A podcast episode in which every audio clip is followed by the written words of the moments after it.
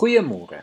Vanoggend staan ons stil by die bereidheid of gereedheid om die evangelie van vrede te verkondig en dit so skoene aan ons voete te trek. Ek lees vir ons voor hoe Efesiërs 1 vers 9 tot 14 die evangelie vir ons opsom. Hy het kragtens sy besluit en voorneme die geheimenis van sy wil aan ons bekend gemaak en dit deur Christus tot uitvoering gebring op die tyd wat hy daarvoor bepaal het. Sy bedoeling was om alles wat in die hemel en alles wat op die aarde is onder een hoof te verenig, naamlik onder Christus. Deur Christus het ons deel geword van die volk van God soos hy dit vooruit al bestem het. So het hy hom dit voorgenem, hy wat alles laat gebeur volgens sy raadsbesluit. Daarom moet ons, die eerstes wat ons hoop op Christus gestel het, die grootheid van God prys. Deur Christus het ook julle deel geword van die volk van God toe julle die waarheid wat aan julle verkondig is, die evangelie van julle verlossing gehoor en tot geloof gekom het. In Christus het die Heilige Gees wat deur God beloof is, julle as die eiendom van God beseël. Die Heilige Gees is die waarborg dat ons ook verder sal ontvang wat God beloof het wanneer hy almal wat aan hom behoort volkome sal verlos. Daarom moet ons sy grootheid prys. Ek herhaal weer vers 13. Deur Christus het ook julle deel geword van die volk van God toe julle die waarheid wat aan julle verkondig is, die evangelie van julle verlossing gehoor en tot geloof gekom het.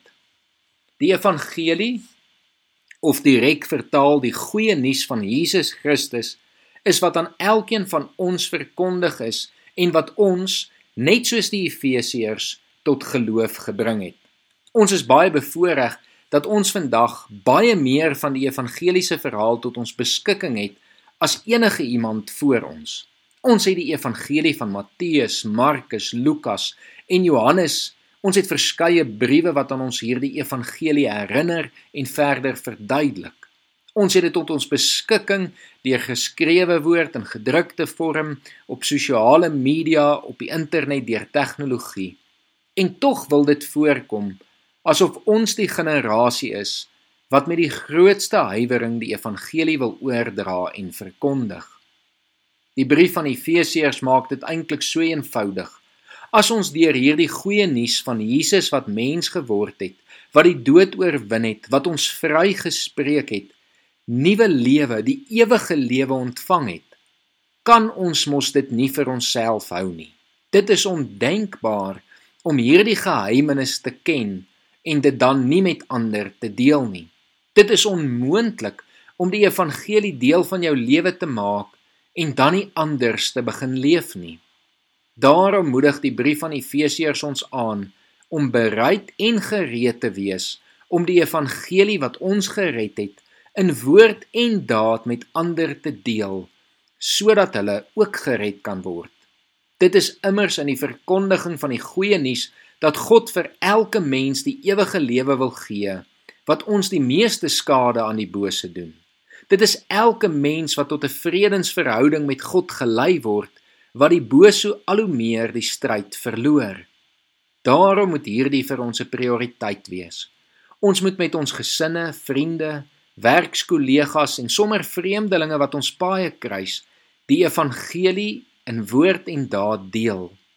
Wanneer die bose ons wil aanval, staan ons dit te met die evangelie van vrede wat ons aan ander verkondig.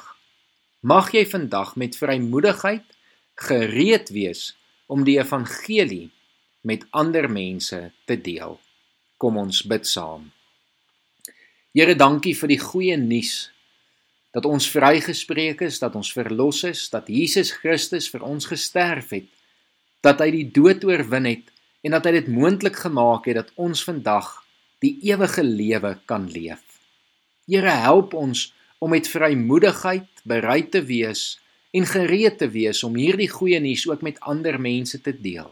Om dit wat ons ontvang het nie vir onsself te hou nie, Here, maar dit met vrymoedigheid en met 'n goeie hart vir ander mense te gee in woord en in daad.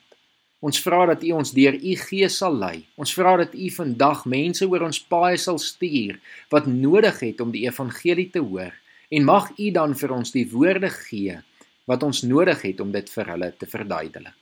Ons bid dit in Jesus Christus se naam alleen. Amen.